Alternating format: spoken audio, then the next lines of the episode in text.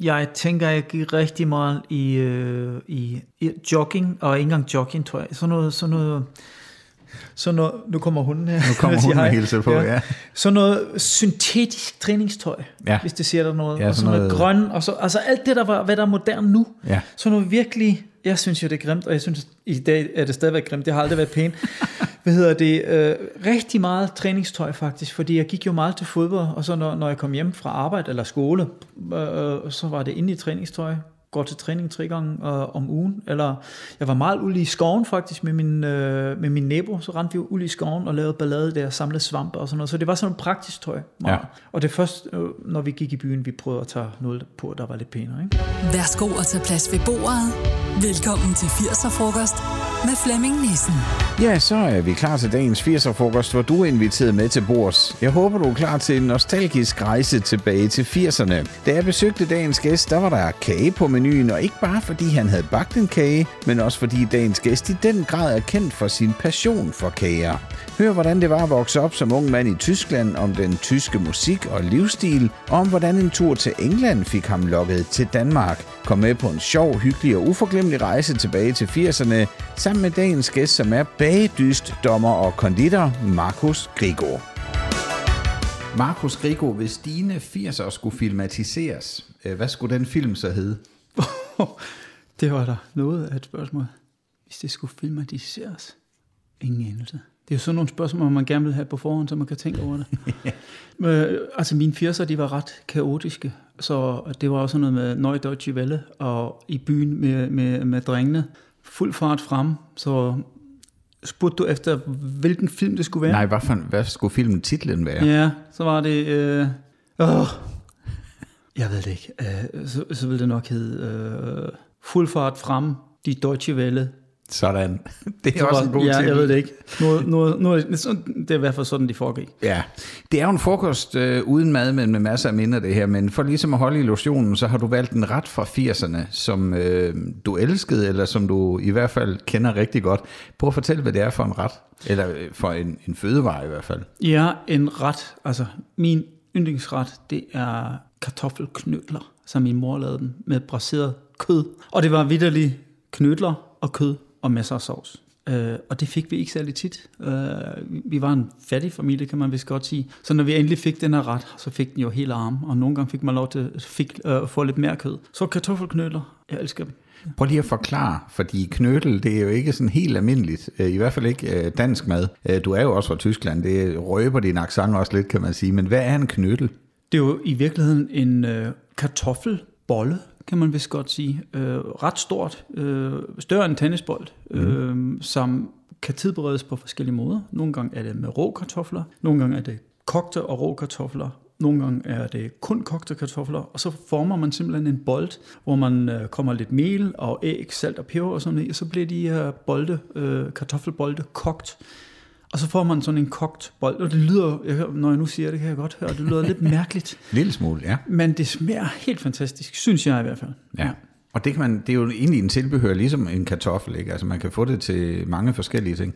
Ja, det kan man godt, øh, og der findes forskellige slags af dem. Mm. Altså, øh, der findes også sammelknødel, som bliver bliver lavet på gammelt brød. Øh, Ja.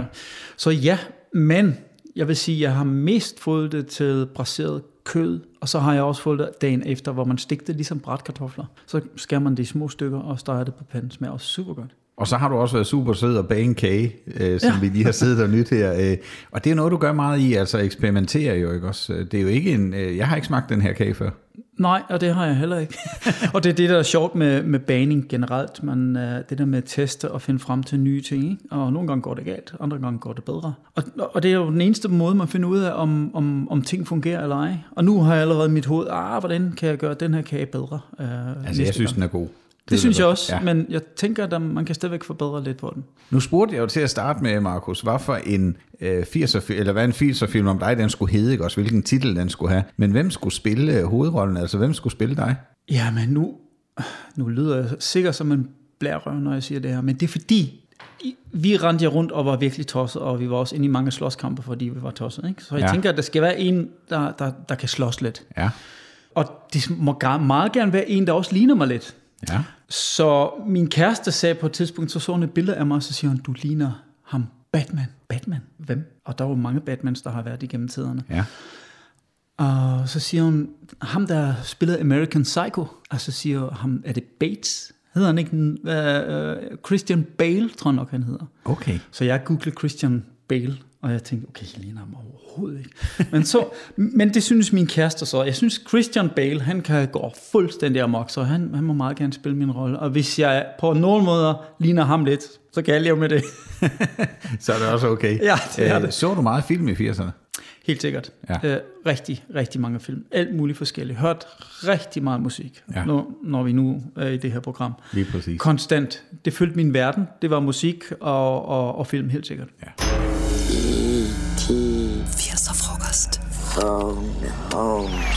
Jeg var fra 1973, så du er lige øh, lidt ældre end mig. Men derfor var 80'erne jo stadigvæk skoleår og uddannelse for øh, os begge i en, i en vis udstrækning. I hvert fald, jeg kan huske, at vi skulle have husgærning, altså madlavning i skolen. Og når vi skulle bage, så tænkte jeg, sådan vil min far ikke gøre, fordi han er jo bager, ikke også? Men derfor var det alligevel hyggeligt at have en eller anden øh, sandkage med hjem, selvom øh, nogle gange så var der vist spist af den, når jeg nåede hjem med kagen, tror jeg nok. Hvad var du for en type i skolen? Altså, øh, hvad var skolen for dig?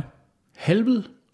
Helvede simpelthen. Altså, jeg, jeg synes, øh, jeg kan ikke huske tilbage på noget skole, hvor jeg synes, det har været sjovt. Fordi øh, øh, øh, i, i mine unge år, så øh, flyttede vi rigtig meget rundt.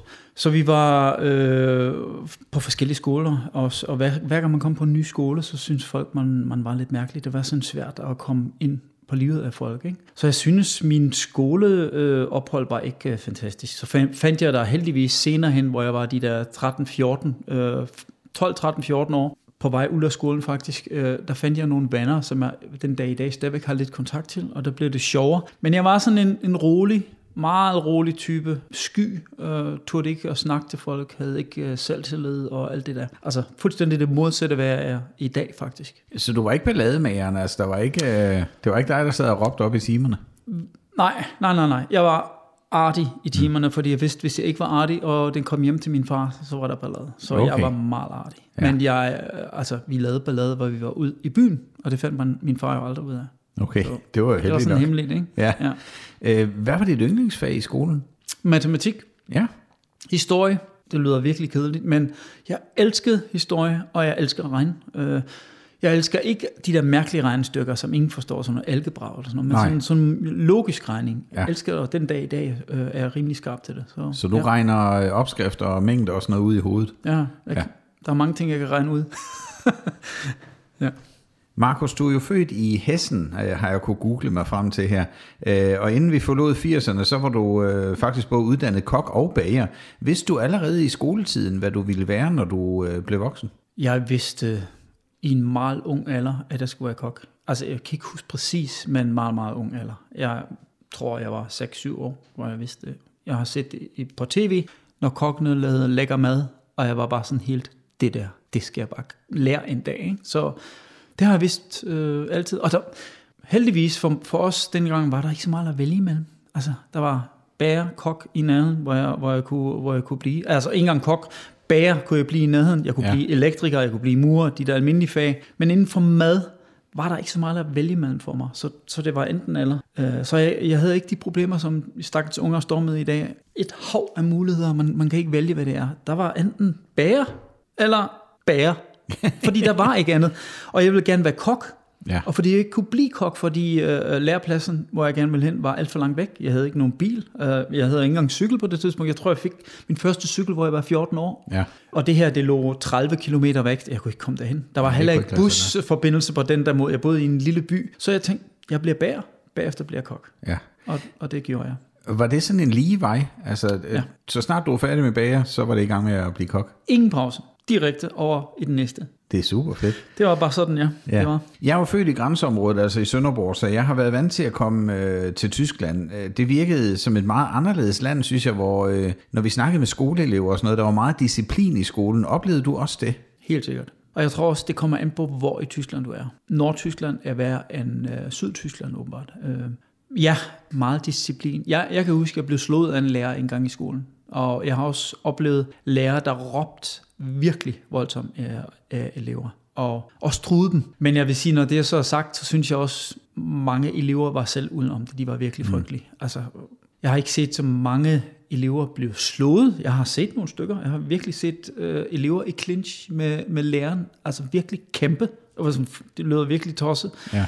Men jo, jeg, jeg, jeg synes godt nok, de fleste lærere var sød og rar, men der var nogen, der var lidt mere bestemte. Så, men jeg tror, det der med at opføre sig ordentligt, kom mest hjemmefra. Og så skulle man jo bare gøre det. Jeg synes ikke. Jeg synes lidt de ældre lærere, de var lidt hårdere end de yngre. Der var jo også, øh, det kan også være, det var det, der øh, havde den effekt på mig, altså det der med, at man var dis øh, med, mm. ja, stort set alle, men børnene var det vel ikke indbyrdes, tænker jeg. Altså, nej, nej, nej. Men man var jo dis over for de voksne, ikke? Det, ja, ja, det er, man, er det det er man stadigvæk. stadigvæk, ja. Det er man stadigvæk. Og, og jeg har jo på mit arbejde, hvor jeg, hvor jeg er kunder fra hele verden, og når de kommer fra Tyskland, så siger det hedder du. Øh, Så kigger de først, og så synes de faktisk, det er meget hyggeligt, fordi det, det tager lige det der afstand lidt fra hinanden. Ikke? Ja, det er tager lige spidsen af det. Ja, ja. Nu ser du dog forskel på nord og syd. Skal vi ikke lige hjælpe lytteren lidt? Hvor ligger hesten henne? Ja, det er faktisk et godt spørgsmål. Det ligger syd for Køln, ligger længere ned Ja. øh, end Køln, bilder jeg mig selv ind. Fordi jeg blev født i Hessen, men vi boede der aldrig.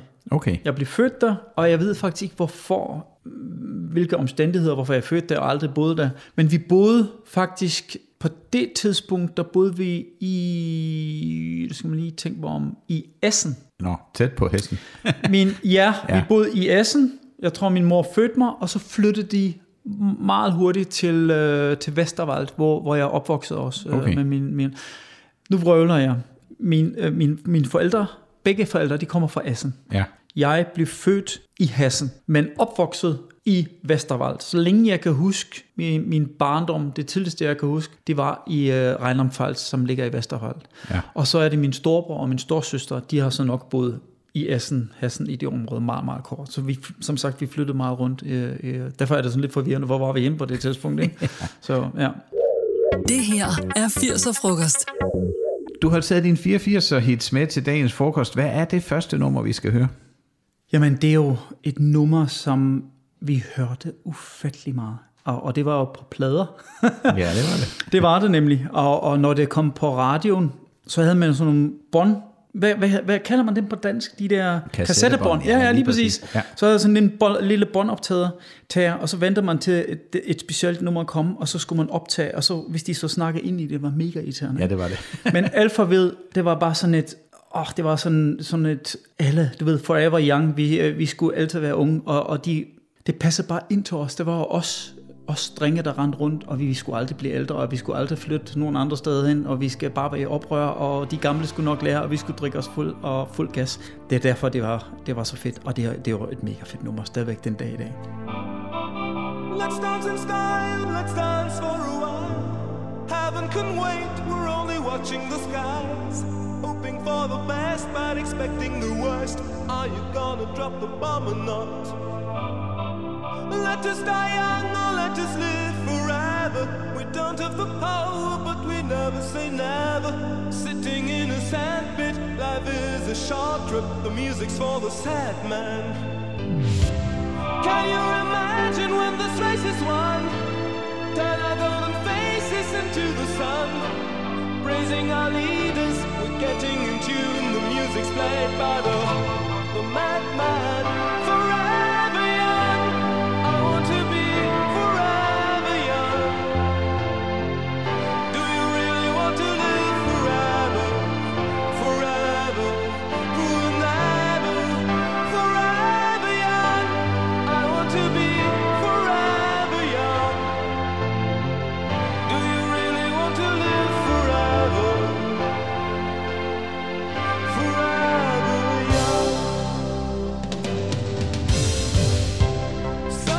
Det er altså også et rigtig fedt nummer. Jeg kan huske, jeg hørte det på RSH, som i øvrigt er en tysk kanal, og det var fordi, vi boede så tæt på grænsen, og dernede kom alt det nye musik bare hurtigere.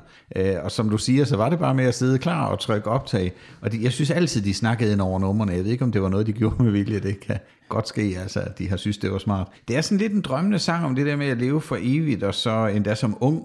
Altså leve som ung for evigt, ikke? Øh, jeg har opdaget, synes jeg selv, at jeg faktisk kun ældes udvendigt. For inde i hovedet, der er jeg stadigvæk kun 25 eller sådan noget deromkring. ikke? Havde du mange drømme i 80'erne? Ja, jeg havde vildt mange drømme, og man kan huske dem alle sammen den dag i dag. Jeg havde et drøm om at, at, at møde Jennifer Beals. og Samantha Fox. Ja, ja, hende, Alle de der lækre Ja, damer, ikke? ja. som man havde hængende. Nej, min drømme, altså min drømme var faktisk, jeg tror de var mere beskeden øh, dengang. Øh, men altså, jeg havde sådan nogle mærkelige drømme, hvornår kan jeg få en cykel? Virkelig, kæmpe drøm for mig. Kan jeg nogensinde få en knallert? Mm. Mine venner havde jo knallert, hvor jeg fik min første cykel. For, som sagt, jeg havde ingen penge. Øh, drømmer om at komme på rejse med mine forældre. Jeg har aldrig nogensinde rejst med mine forældre. Det var sådan nogle, sådan nogle små drømme, jeg havde. Altså, for mig, Og de kan synes små i dag, ja. Men det har de jo ikke været dengang. Nej, altså. for mig var det stort, ikke? Og så bare komme til udlandet så hurtigt som muligt. Og det gjorde jeg også lige snart jeg var gammel nok til det. Så skulle jeg bare ud og prøve verden, uden at tænke på om, skulle jeg bare rejse. Så du har været ude at se. Det har jeg, Ja. ja. det har jeg. Ja, det startede jo med at komme væk hjemmefra, og så kom jeg aldrig tilbage. Altså jeg rejste vidderligt som 19-årig hjemmefra, så har jeg ikke været hjemme siden. På besøg. Og du har været på besøg. På besøg. Ja, det er godt. 80'er-frokost. Altså 80'erne for mig, det var leg på gaden og leg med vennerne, øh, og jeg har også gået til en masse forskellige ting i min fritid, uden rigtig at blive hængende ved noget af det, udover lige sejlsport, som jeg gik til i nogle år. Øh, Gik du til noget i fritiden, altså når du havde fri fra skole? Fusball. Fodbold, ja. Jeg, øh, jeg vil ikke beskrive mig som et stort talent, men øh, på et tidspunkt så tænkte jeg, at det ville være meget smart, også for, for, for at vinde, finde venner, gå til en eller anden aktivitet. Øh, så har jeg valgt fodbold, og, og det spillede jeg faktisk i mange år, og var meget glad for det. Var også okay til det, jeg var ikke specielt dygtig, men jeg elskede det. Og så stoppede det bare, hvor jeg gik i lære som 15-årig. Så stoppede jeg der med fodbold. Der var ikke tid til det mere. Der var ikke tid til det mere. Nej, nej. Og jeg tror også, lysten, den forsvinder bare senere. Det er jo sådan med, med så mange ting, så var det piger, der fyldte lidt mere, ikke? Og så Ah, ja. ville man heller i byen, og så stoppede det jo, ikke? Øh, Det har jeg faktisk hørt før her i programmet, også folk sige, at, øh, at de var faktisk ret gode til det, men, men så fik de en kæreste, og så var det som om det forsvandt. Ikke? Det, det, det er jo faren, kan man sige. Mm. Det kunne være, du var blevet stortalent. Nej. Jeg havde en bror, øh, en stor bror, som var dygtig til at spille fodbold, og han var meget bedre end mig. Og han blev ikke til noget. Så hvorfor skulle jeg blive til noget? Så jeg havde slet ikke de der drømme. Og når man spiller mod de der klubber, som virkelig var dygtige, Frankfurt eller Essen, så fik man jo så meget klø, at, at man tænkte, okay, jeg kan lige så godt lade være. Så det var et hobby for mig, og det var sjovt. Jeg vil sige, nu har jeg jo smagt øh, i hvert fald en af dine kager her, så vil jeg sige, det var godt, du blev øh, bager og kok. Ja, men jeg hørte forleden dag Helle, Helle faktisk at sige nogle ting, hvor jeg tænkte, gud, det der, hun siger, det er fuldstændig, som jeg har oplevet mange af, af de her ting i livet. Det der med, jeg har jo kastet mig ud i ting, som jeg slet ikke havde forstand på. Jeg har arbejdet øh, steder, hvor jeg slet ikke var kvalificeret nok til at kunne arbejde, men fordi jeg lærte så hurtigt, så opdagede det de jo aldrig. Det der med at søge job, selvom man ikke føler, man er kvalificeret nok til det. Jeg ved ikke, om du nogensinde har tænkt over den slags. Men det har jeg altid gjort. Jeg har aldrig tænkt, det her, det kan jeg ikke. Jeg har altid tænkt, det kan jeg lære. Kaster mig ud i det. Det værste, der kan ske, jeg kan blive fører. Ja, og øh, er- du så blevet taget i det, kan man sige? I Aldrig. at, øh, nej. Nej, nej, nej. Men det er jo, det er jo, det er jo lige præcis det. Jo, jeg er der blevet fyret en gang øh, som kok, og det var fair nok, fordi jeg elsker at lave desserter. Jeg elsker ikke at lave mad. Uh, og det fangede manden, og så siger jeg, jeg er nødt til at fyre dig. Uh, og, og, og, og jeg tænkte, du har ret. Altså, det er fair nok. Jeg elsker ikke det her. Jeg vil gerne lave kager og desserter. Det er det, jeg synes, det var sjovt. Så, så jeg blev opdaget på et tidspunkt. Ja, det, det gør. Det kan man godt sige. 80'er-frokost. Jeg kunne godt tænke mig at høre, hvordan der så ud hjemme hos dig i 80'erne, hvis vi nu øh, står ved hoveddøren og går ind i dit hus. Hvordan så der ud der? Ja, vi boede i, jeg vil ikke sige kalde det en skov, men på vej igennem en skov, der lå der en lærfabrik. Efter lærfabrikken lå der tre hus. Vi boede i det første hus. Nærmest ude i en skov -agtig. Der var ja. ikke andre. Så når man gik ind i vores hus, skulle man op ad trappen. Ned ad trappen var kælderen, hvor vi havde kul, som vi hentede som børn. Måtte vi hente kul til vores øh, brændeovn. Og, og så op ad trappen til øh, venstre, der lå der et toilet. Lidt, lidt længere op lå der et bad, og så gennem bad lå mit værelse. Og alt efter, jeg tror faktisk, i starten, der delte vi tre drenge værelset. En, vi var en, to, tre, jeg tror, at vi var fire. Fire mm. drenge på et værelse, to dobbeltsengen. Ja. Bagved var min storsøsters værelse, hun havde sit eget værelse, fair nok. Øh, og så havde min lille søster også et værelse for sig selv. Ja, øh, så havde vi en stor stue, hvor min far regerede, han var altid der. vi fik næsten ikke lov til at komme der, men når han var der, han var sådan lidt en konge. Øh, Og så havde vi et køkken, så det var, ja, altså, vores hjem var kedeligt. Altså, kedelige tyske møbler, træmøbler, med sådan en, jeg ved ikke, om du nogensinde har set i sådan et tyske hjem, så har de sådan nogle træbilleder med sådan en nisse, der, eller en eller anden gammel Nå ja, mand, der ryger en cigar, øh, en Hvor det er skåret ud i træ. Eller Ja, sådan. ja, det er frygteligt, frygteligt. og, og vi boede præcis sådan der. ja. Stort tv, stor højtaler, stort anlæg, du ved. Ja. Bløde sofaer, tæpper overalt, gardiner, der var meget mørk, der var tapetseret, ja. sådan mønstertapeter og sådan noget, ikke? frygteligt, frygteligt. Altså, vi, vi, det, vi boede ikke hyggeligt, det synes jeg ikke. Hvad med dit værelse? Hvordan så der ud der? Altså, nu delte du det jo så med øh, nogle gange tre andre, kunne jeg forstå. Men, men hvordan så der ud på dit værelse? Var der orden i det?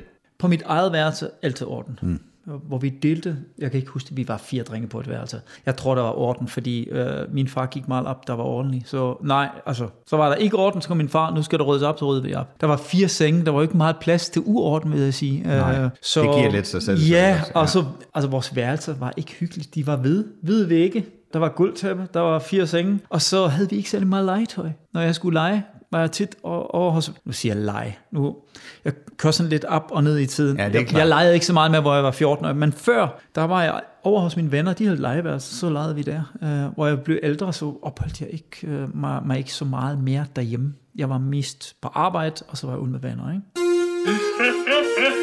Det her er 80'er frokost. Du har taget et nummer mere med. Hvad er det, vi skal høre nu? Jamen, det er jo Summer of 69, og det sjove er, at jeg er født i 69. Ja. Øhm, og det er ikke derfor, at det nummer blev mit nummer, eller vores nummer. Jeg havde min bedste ven, Frank Schneider, som vi kaldte for Nengi. Ham og jeg, vi var altid ude. Vi gik i lære som bager sammen. Og vi havde jo nogle gange, når man arbejder som bager, så starter man klokken 4 om natten. Så, så vi tog på en knallert i byen, og vi var fulde. Så kørte vi fulde på den der knaller, det kan jeg tydeligt huske. Det. Efter vi har været på diskotek og hørt musik, og helt sikkert også Summer of 69, og slet ikke tænkt at vi skulle på arbejde, og så lige pludselig, fuck, nu skal vi altså afsted. Fuld på det her knallert, og styrte undervejs flere gange i sne, øh, og, og så møder op på arbejde fuld selvfølgelig, og, og, og vores lærermester Herbert, en mand, som var en meter høj, en meter bred, han vejede 150 kilo, Hold da og han var, han var godheden i sig selv. Han elsker os, men han hadede os også. Så vi kom ind ad døren fuld der, så var I røvhuller, hvad laver I? Og vi grinede ham, ikke? Og så skulle vi jo på arbejde fuld, øh, og hørte øh, Summer of 69 der, og så, ja, du ved, det, det var bare sådan, det var. Og en fed, fed tid at tage, tænke tilbage på, men også en meget, meget hård tid, lærtid i hvert fald, ikke? I got my first real six string, bought it at the five and dime. Played it till my fingers bled.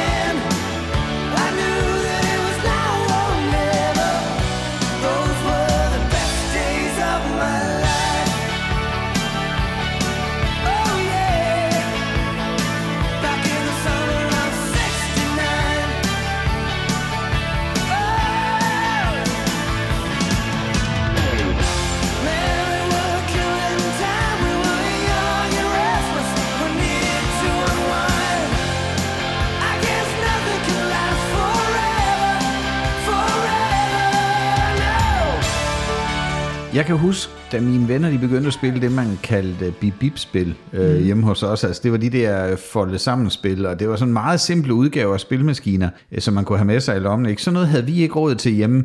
Øh, jeg fornemmer lidt på det, du siger, at det havde I heller ikke. Altså, du var, I var ikke first movers på de der nye ting, der kom i 80'erne. Kom det i 80'erne?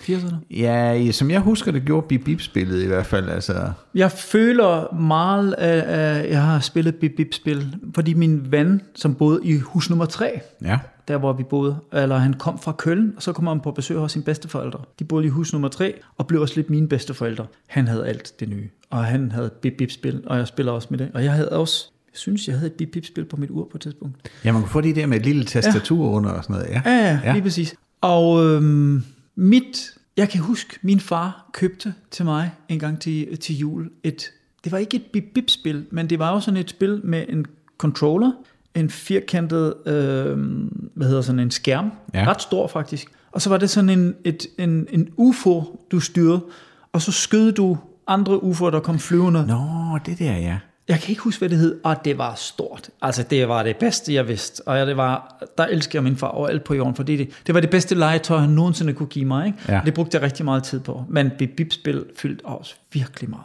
Virkelig. Det var jo sjovt, ikke? Der kom også uh, Commodore 64, kan jeg huske, med båndoptager ja. og sådan noget. Og det var jo en helt ny verden. Altså, øh, vi, vi har aldrig haft sådan noget der. Altså, det, uh, men jeg drømte om det, vil jeg sige. Det havde vi heller ikke. Øh, Og, og jeg drømte også om alt det der teknik, som jeg, som jeg ikke havde. Men det havde vennerne, så sad vi der og spillede. Ikke? 80'er frokost. På det her tidspunkt i vores frokost, så skal vi på tidsrejse, og du må jo bestemme årstallet i 80'erne, hvor vi skal hen øh, og mødes med dit yngre jeg. Hvor er vi endt henne? Jamen, vi er jo endt i 1989. Ja. Øhm, Hvad vil du så sige til dig selv? Nu står vi over for den, den unge Markus. Hvad vil du sige til ham? Jeg vil sige til ham, i 89, der, der træffede jeg valg om at rejse til England. Ja. Og det hvad har, øh, valg har jeg gjort, at jeg faktisk er her i dag. Det er jo det der med at træffe et valg. Hvor ender du op? Øh, Jeg var faktisk på vej til Australien. Og jeg elsker mit liv i dag. Det kunne ikke blive bedre. Men nogle gange, så kunne jeg godt tænke mig sådan, hvad ville der være været sket, hvis jeg i 89 havde truffet et andet valg, og var rejst til Australien, og, og hvor vil jeg være hen i livet? Jeg kunne så godt tænke mig at bare vide det. Kan du ikke den der nogle gange? Jo, og bare jo. tænke, hvad ville der være sket? Ja, hvis Hvor- jeg havde bruger gået fat- den vej. Ja. Jeg bruger rigtig meget tid på det, og man kan blive rigtig skør af det. Man skal Ja. passe på med det. Men jo, jeg tænker nogle gange over det her. Hvad ville der have sket, hvis jeg havde taget et andet fly? Jamen vil du så sige, at han skulle prøve det? At- Eller vil du altså at tage til Australien i stedet for England? Nej, jeg vil, nej, jeg vil sige, Markus, du har truffet det rette valg. Det eneste, jeg virkelig, virkelig, virkelig fortryder den dag i dag, jeg aldrig har fået gjort, det er øh, konfrontere min far med, med vores fortid. Jeg har aldrig, jeg har gjort det sådan indirekte, men jeg har aldrig sådan virkelig taget fat i ham og siger, kære ven, du har lavet lort, og du har gjort det på den og den måde. Og det har jeg fortrudt så mange gange, øh, og, og nu er det på en eller anden måde for, for sent, og det kunne jeg godt tænke mig at sige til Markus, hvorfor, hvad fanden var du ikke stærk nok for, for det gjort? For det ud af verden, en for alle, ikke? Og, og, og, og afslutte det kapitel der. Var du bange for ham? Ja, Så, meget. Ja. Jeg var meget bange, ja. Og Så det, det er derfor, var- jeg ikke fik det gjort. Ja. Ja. Det er selvfølgelig, øh, det er jo hårdt, ikke også? Hvis vi nu vender os om og stiller os ind i den unge Markus, mm. eller du gør, og så kigger du på ham, jeg sidder overfor nu, vil øh, den unge Markus være tilfreds eller stolt af ham, jeg sidder sammen med nu? Oh ja, altså, den unge Markus har jeg aldrig nogensinde regnet med at, at, at komme nogensinde derhen, hvor han er i dag. Jeg har, altså, han har altid troet på, at hvis man bare tror på noget og bare går efter, så skal man nok blive til noget. Så det var, har jeg aldrig været i tvivl. Men jeg har da ikke regnet med, at jeg vil ende op som en, en kendt person i Danmark, i et helt andet land. Aldrig regnet med det. Øh, Og niver mig tit og ofte også på armen, fordi nogle gange kan jeg ikke helt forstå det. Ikke? Så jeg tænker, at den unge, unge Markus vil være mega stolt af, hvad der er sket i, øh, i den gamle Markus' liv, helt sikkert. Og vil også sige, at du skulle ikke ændre noget som helst, og i 89 skulle du absolut ikke rejse til Australien. Vejen til England, via England til Danmark, det var den rigtige vej. Wax on, wax off. Breathe in, breathe out. 80'er frokost. Mors mad, det var det bedste, da jeg var dreng i hvert fald. Øh, Senere så blev jeg selv ret glad for at stå i køkkenet, og, og har også en YouTube-kanal, hvor jeg laver mad. Ikke? Øh, Hvor fandt du din inspiration til at lave mad? Jeg kan så forstå, det er mest desserter og kager, ikke også? Men hvor, hvor kom inspirationen fra? TV, fjernsyn, helt sikkert. Jeg så alle madprogrammer, der fandtes som barn. Der var, ikke, der var jo ikke mange at vælge mellem. Øh, og så så jeg, øh, kiggede jeg i kogebøger, rigtig mange kogebøger. Al min inspiration kom derfra. Min mor var ikke, øh, altså som sagt, vi, hun bagte ikke så meget derhjemme. Hun lavede nogle pandekager, tror jeg. Øh, det var det eneste. Jeg kan ikke huske nogensinde, hun har bagt kage, som jeg kan huske det. Og så synes jeg også, øh, mange af de retter, hun lavede, vi fik gemysesuppe bare navnet. Grøntsagssuppe, ikke? Og jeg havde det. Altså, vi, øh, der var ingen i familien, der kunne lide det, men vi spiste det alligevel og, og blev tvunget til at spise. Altså, der er ikke noget med, at du, du okay, så går du bare på dit værelse, du spiser op, og så okay. går du på dit værelse. Og derfor havde jeg det den dag i dag endnu mere, ikke? Så ja. det der med at tvinge børn til at spise noget, de ikke kan lide, det er virkelig dumt. Altså, Det skal man lade være med. det skal man lade være med. Ja. Så nej, inspiration kom fra bøger, kogebøger og det, der nu var på tv. Det kan jo være, at du er blevet omvendt inspireret, at du har tænkt, sådan der vil jeg ikke spise. Jeg skal finde ud af, hvordan man laver ordentlig mad. Nej, altså jeg vidste altid, at jeg skulle lave noget med sukker. sukker og fløde, chokolade. Ja. Det er, det er fordi, jeg er allerede øh, som ung, der, der var jeg så mere kreativ inde i mit hoved, hvad man, hvad man kunne finde på. Øh, det var jeg ikke med mad på samme måde. Øh, jeg elsker at lave mad den dag i dag, og gør det rigtig meget. Men øh, som ung, så var det kun det søde køkken, der interesserede mig. Fordi jeg synes, man kan gøre ting meget flottere end det almindelige mad. Så det, det fokuserede jeg meget på, at det var visuelt også flot. Det er også et mere nøjagtigt køkken, ikke? Altså man kan ikke, øh, hvis jeg laver en gulas, så kan man godt sige, ej, jeg putter også lige lidt af det her i. Det er jo ikke altid, man kan det ved en dessert eller en, en kage, vel? Fordi der er jo nogle ting, der skal passe sammen. Det er, det er rigtigt. Man skal selvfølgelig, alt efter hvad man laver, selvfølgelig. Altså, ligesom den her kage er bagt. Der er nogle grundting, der skal være i orden. Hvor meget krydderi du putter i, hvor mange nødder, hvor mange gulerødder. Det kan du godt tjuste en lille Ja, smule frem til. ja.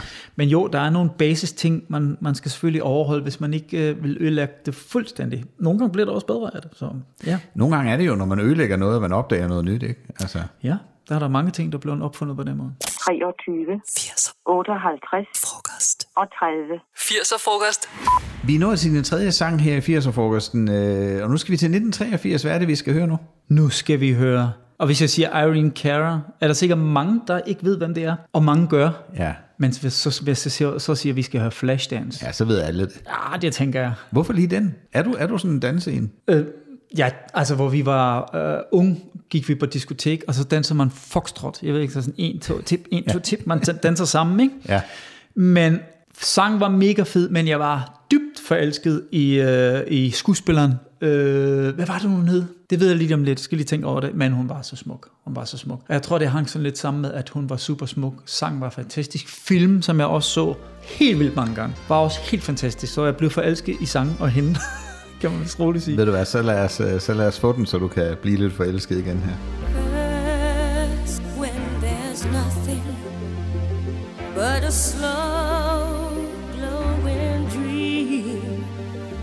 Your fear seems to hide deep inside your mind. All alone,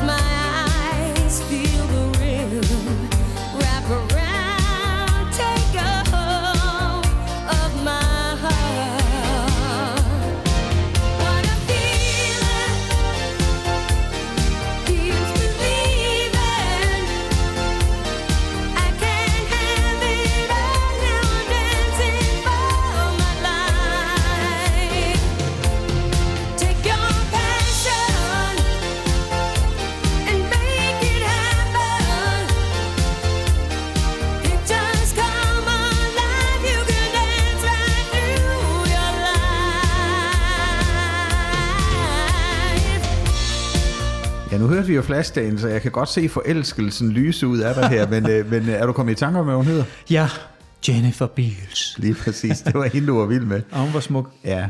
Øh, hører de meget musik hjemme hos dig? Ja, øh, ja det gør jeg, og, og jeg blev inspireret meget af, hvad min øh, storbror og storsøster faktisk hørte. Ja. Øh, og de hørte jo, og de, de hørte jo sådan noget musik, som de fleste af jer nok ikke kender. Det er jo tysk musik. De hørte for eksempel Spliff, som er et tysk band, øh, som spiller mega fed musik, og de synger tysk. Det er rock. Ja. Øh, og hvis I nogensinde skal lytte til en, en virkelig fed sang, så hedder den Spliff, så hedder den Déjà Vu. Prøv at google den og høre den. Ja. Og de synger tysk, og selve musikken er mega fed. Og min øh, storsøster har hørt meget Fleetwood Mac. Det kender de fleste, Ja, det kan- tænker jeg. ja, Og, ja. og det hørte jeg også rigtig, rigtig meget. Og det ved jeg ikke, det må være 70'erne, det er fra, det her musik. Måske ældre. Der er jo noget, der hedder Neue Deutsche Welle, og mm. det kender man, hvis man er fra grænseområdet, som jeg er, men det er jo ikke sikkert, at alle i, i landet kender dem. Der var München og Freiheit og alt sådan noget. Det var sådan næsten en hel bevægelse af ny musik, der var der. Øh, Var det noget, du var med i? Altså ikke. Ja. at du spillede det, Nej, nej. men... men øh, Det var jeg. Øh, og meget af det var faktisk ret punket. Altså virkelig, virkelig fuld fart frem musik. Mm. Så jeg har hø- hørt sådan noget, der hedder Ekstra Bright. Og, og hvis man hører musikken i dag og hører Ekstra Bright, hvis I hørte det, vi vil bare tænke, det er sindssygt.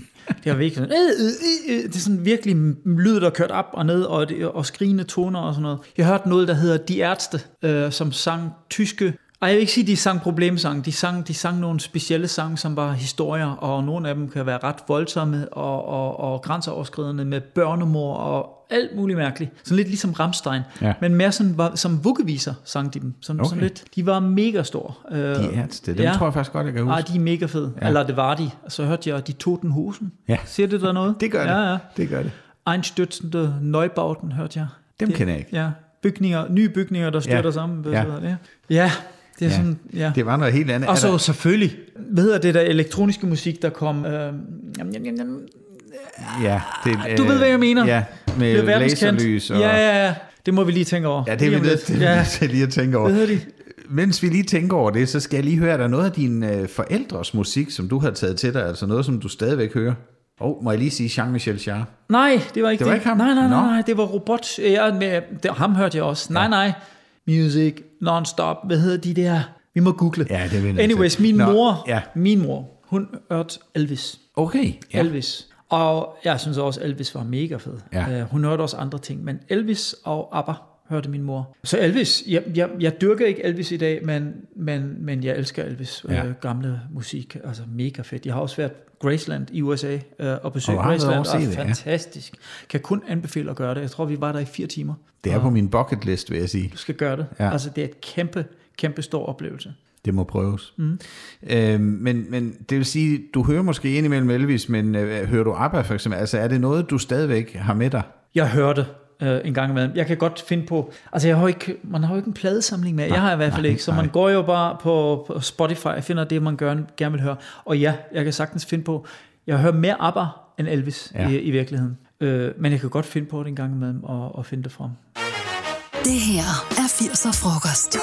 Markus, som jeg sagde før, så jeg skal da egentlig lige høre, siger jeg egentlig dit navn rigtigt, Markus Grigo? Ja, det sjove er, at i Danmark, der siger man Grigo. Grigo. Grigo? Grigo? Men jeg, jeg selv vil jo sige Grigo. Grigo? Ja. Altså træk i et lidt. Ja, og gede er sådan lidt bløde. Grigo. I- Ja, man har tendens til at sige Grigo. Ja. Grigo. Ja, og det er Grigo, ikke? Ja. Så, nå. Men uh, anyways, nu skal vi til fest sammen med ham, Markus mm. Grigo. Uh, prøv lige at fortælle mig, hvordan så du ud, når du skulle til fest? Åh,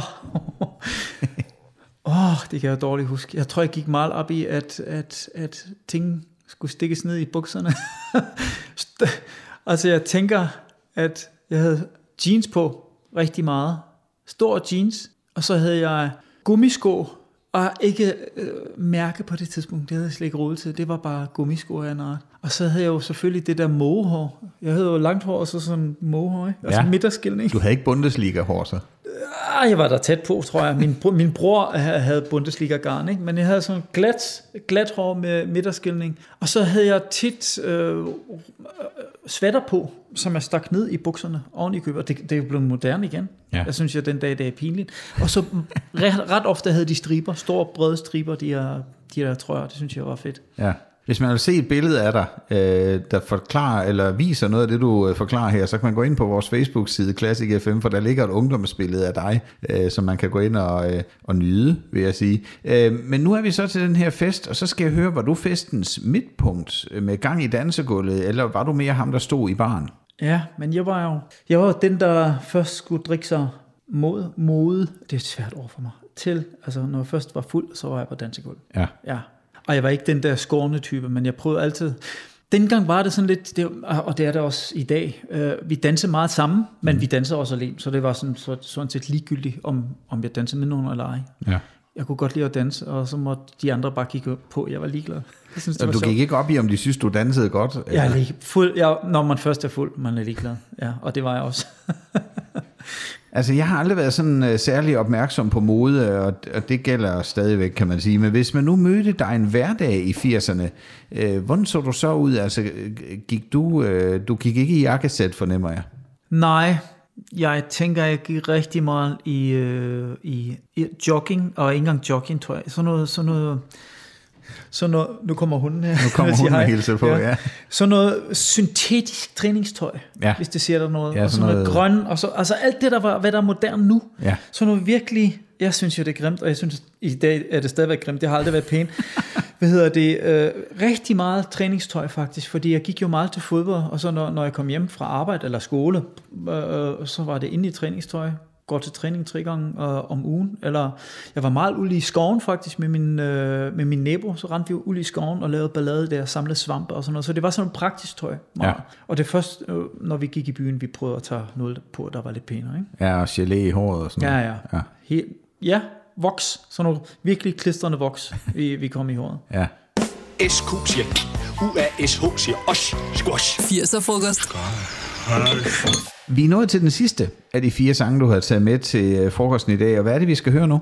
Jamen, jeg, jeg kan jo ikke uh, gå forbi Modern Talking. Nej. Altså, det er jo, det var så stort. Og de drenge der med det der lange hår og, og halskæder med navn på og sådan noget, det blev en dille. Altså, folk rendte rundt sådan der, ikke? Det blev Ja. så kæmpestort. Men jeg måtte jo indrømme, at uh, selvom jeg ikke altid ved indrømme, at jeg var en popdreng, det blev jeg der. Altså virkelig, virkelig for alvor. Fordi det var bare sådan noget musik, som, som man, man kunne ikke sidde stille, når man først, øh, man kunne ikke lade være med at synge med. Og den dag i dag, når de spiller, skal jeg skrue op, og så er det bare sjovt. Og så er det You're, You're My Heart, You're My Soul, synes jeg var sådan, den vi hørte aller, allermest. Helt Ja, sikkert. det var bare hittet. Det var hittet, og, og den, når den blev spillet på Lido, det der diskotek, hvor vi gik på, så var dansegulvet proppet.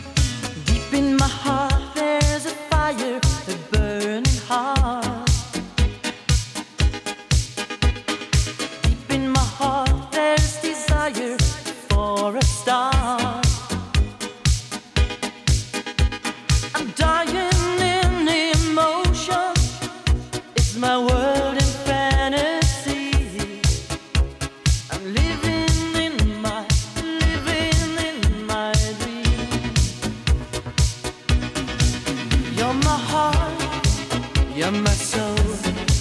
I keep it shining everywhere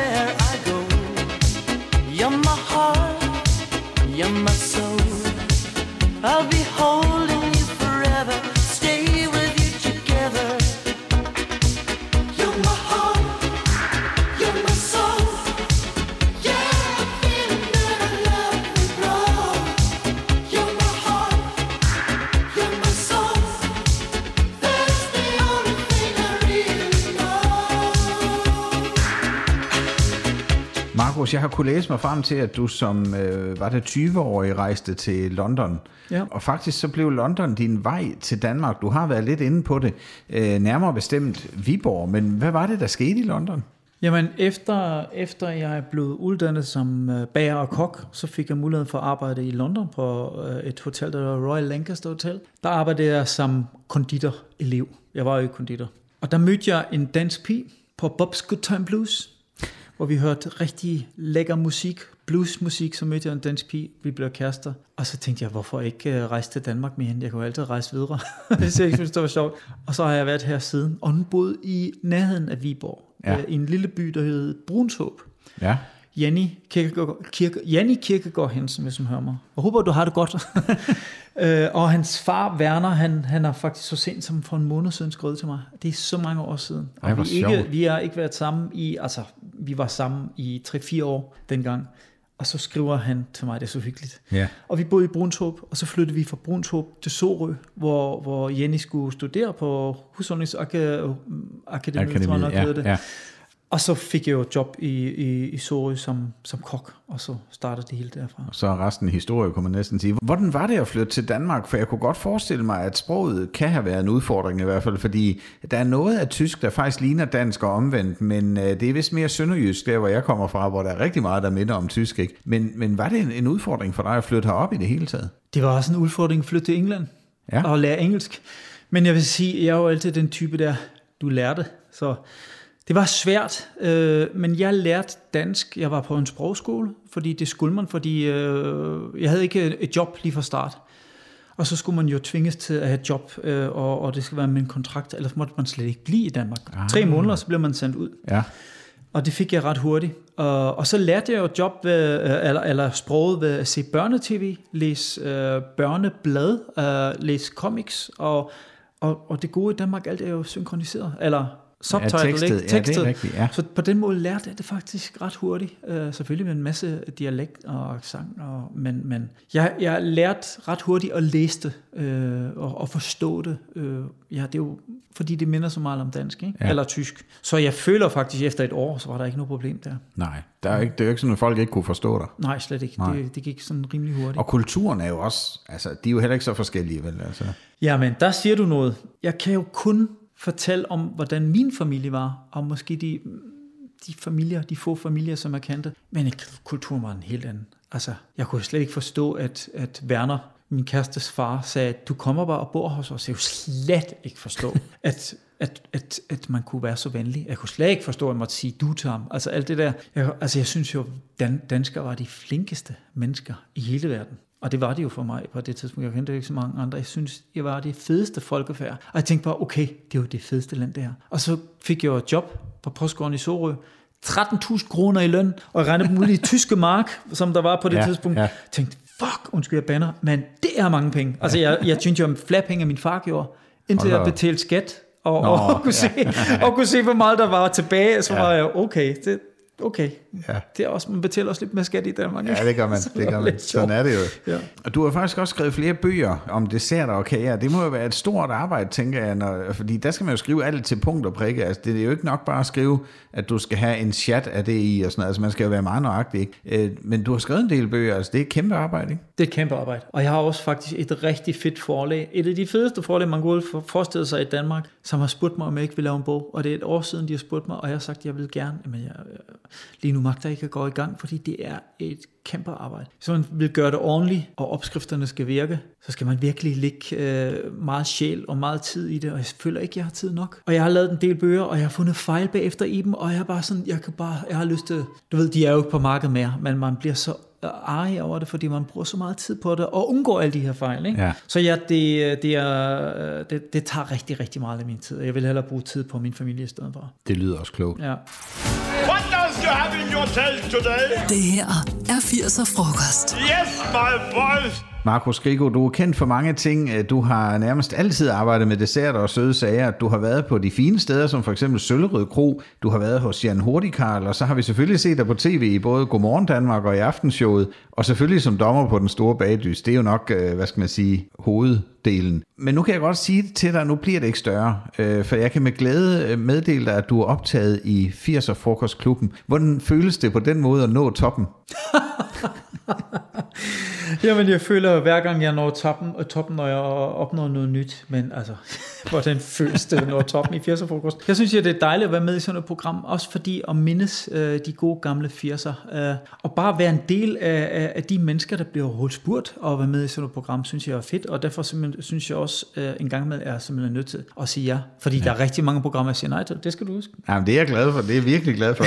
Æ, Markus, når spøj til side, ikke også? Øh, Når du ikke sidder og laver nostalgi med mig, eller øh, laver bagedyst, hvad, hvad sker der så i dit liv lige nu? Altså, jeg har jo et arbejde, arbejder som teknolog på et firma, der hedder Osted, som laver chokolade, øh, pro, øh, øh, maskiner til chokoladeindustrien og ja. bageindustrien. Så har jeg en kæreste, som jeg bruger rigtig meget tid på. Jeg har en hund, jeg har en papsøn, Og så har jeg to børn, som bor her i København, Ja. som jeg får, øh, forhåbentlig ser lidt mere til, fordi min datter er lige flyttet fra Aarhus til, til København. Uh, hvor dejligt. Og så ja. har jeg jo en YouTube-kanal, som hedder Sweet Kitchen Skills, som jeg laver fyldte, altså meget chokolade øh, øh, på. Det bruger rigtig meget tid på. Du kan jo altid det, du har selv en kanal. Ja, ja, det tager meget tid. Den skal jeg Øh. ind og kigge på. Hvad siger du, den hedder? Sweet Kitchen Skills? Ja, Okay. okay. lige præcis. Ja. Øh, og så, når jeg har tid, så kan jeg godt lide at rejse. Og så har, har vi jo et hus, så jeg står meget ude i haven, og du ved, ordner haven og maler, og det er et hus, reparerer ting, og ja, du ved, finde på. Og bager kager til Ja, ja. radioværter, der kommer og sådan noget. Og så er der den store bagdyst. Altså, Ja. der, jeg bruger meget, meget tid på at udvikle opskrifter også, sammen med Katrine også. Så ja. det følger også rigtig meget. Ja, for de får jo en opskrift ja. i den store bagdyst. Ikke? Mm. Altså, det er jo ikke sådan noget, de skal kunne på- fra hoften alle sammen. Det er begge dele. Altså, Ja. de, de får en opskrift, når det er den hemmelige, får de en opskrift. Ja. Det er der ofte, ikke altid. Og det er jo en opskrift, som, som vi udviklede med DR, med redaktøren, og så nogle gange er der også Katrine og jeg, som vi, hvor vi selv har gjort, og så står jeg her og bærer det, og så sender jeg dem videre, og så bliver de testet, de her opskrifter, og så bliver, bliver, kører vi tid efter de her opskrifter. Så ellers kan man, kan man jo ikke ramme sådan nogenlunde præcis. Nej. Så det er jo et kæmpe arbejde. Det er klart. Nu er jeg nødt til at drille dig lidt, mm. fordi øh, nu sidder vi og hører om alle de der opskrifter og, øh, og søllerød kro, jeg ved ikke hvad. Øh, og så ligger der her øh, ved siden af os et, øh, to breve. Det ene er vist på noget øh, chokolademus, og så er der en budding, og det er sådan noget, man jeg ved ikke rører op i vand, eller hvad? er det noget, du bruger? Ja, det skulle man tro. jeg, altså min kæreste brugte det faktisk i sidste uge, hvor hun lavede en lavkage til sin søns fødselsdag, fordi hun siger, at det minder så meget om de gode gamle dage, og, og hele familien elsker det jo. Men i virkeligheden er det jo sådan nogle gavepakker, jeg får, når jeg bestiller udstyr og fra et eller andet leverandør, der synes om, at det er sjovt at sende mig sådan nogle produkter, og de ryger jo direkte i skraldespanden hos mig. Det er ikke Jeg noget, bruger du det ikke. Jeg bruger det ikke, nej. Du laver altid fra bunden af. altid. De der ord, der hedder altid, og jeg gør det aldrig, øh, det findes ikke i mit øh, vokabular. Jeg vil sige, puddingpulver, sådan noget pulver her, det kan du jo godt bruge, i stedet for, for at du bruger maizena i en eller anden opskrift. Så kan du Ah, faktisk ja. godt bruge det, Ja. uden at ødelægge en opskrift. Så jeg vil aldrig sige aldrig, men jeg vil sige, jeg bruger det ekstremt sjældent. Det kommer an på, hvordan jeg skal bruge det. Ikke? Det er fair nok. Ja. Jeg skulle bare lige drille dig med ja. Det, det er jeg nødt til at sige. Det har været rigtig skønt at have dig med i 80'er-frokosten her. Jeg håber, du har nyt turen tilbage til 80'erne, Markus. Mega meget, og jeg tror, om lidt skal jeg tænde for 80'er musik herhjemme. Sådan. Tusind tak, fordi du ville være med. Selv tak. Det var dagens menu ved 80'er-frokosten. Du sad til bords med mig, Flemming Nissen, og naturligvis med dagens gæst. Endnu en gang tak til bagdyst, dommer og konditor Markus Grigo. Hvis du kunne lide det, du hørte, så husk at give 80'er-frokosten en bedømmelse, der hvor du hører podcast. Det vil jeg blive virkelig glad for. Fra på onsdag kan du gætte med på, hvem næste uges gæst i 80'er-frokosten er. Det sker, når vi lægger et ungdomsbillede op af ugens gæst, og det er på vores Facebook-side Classic FM.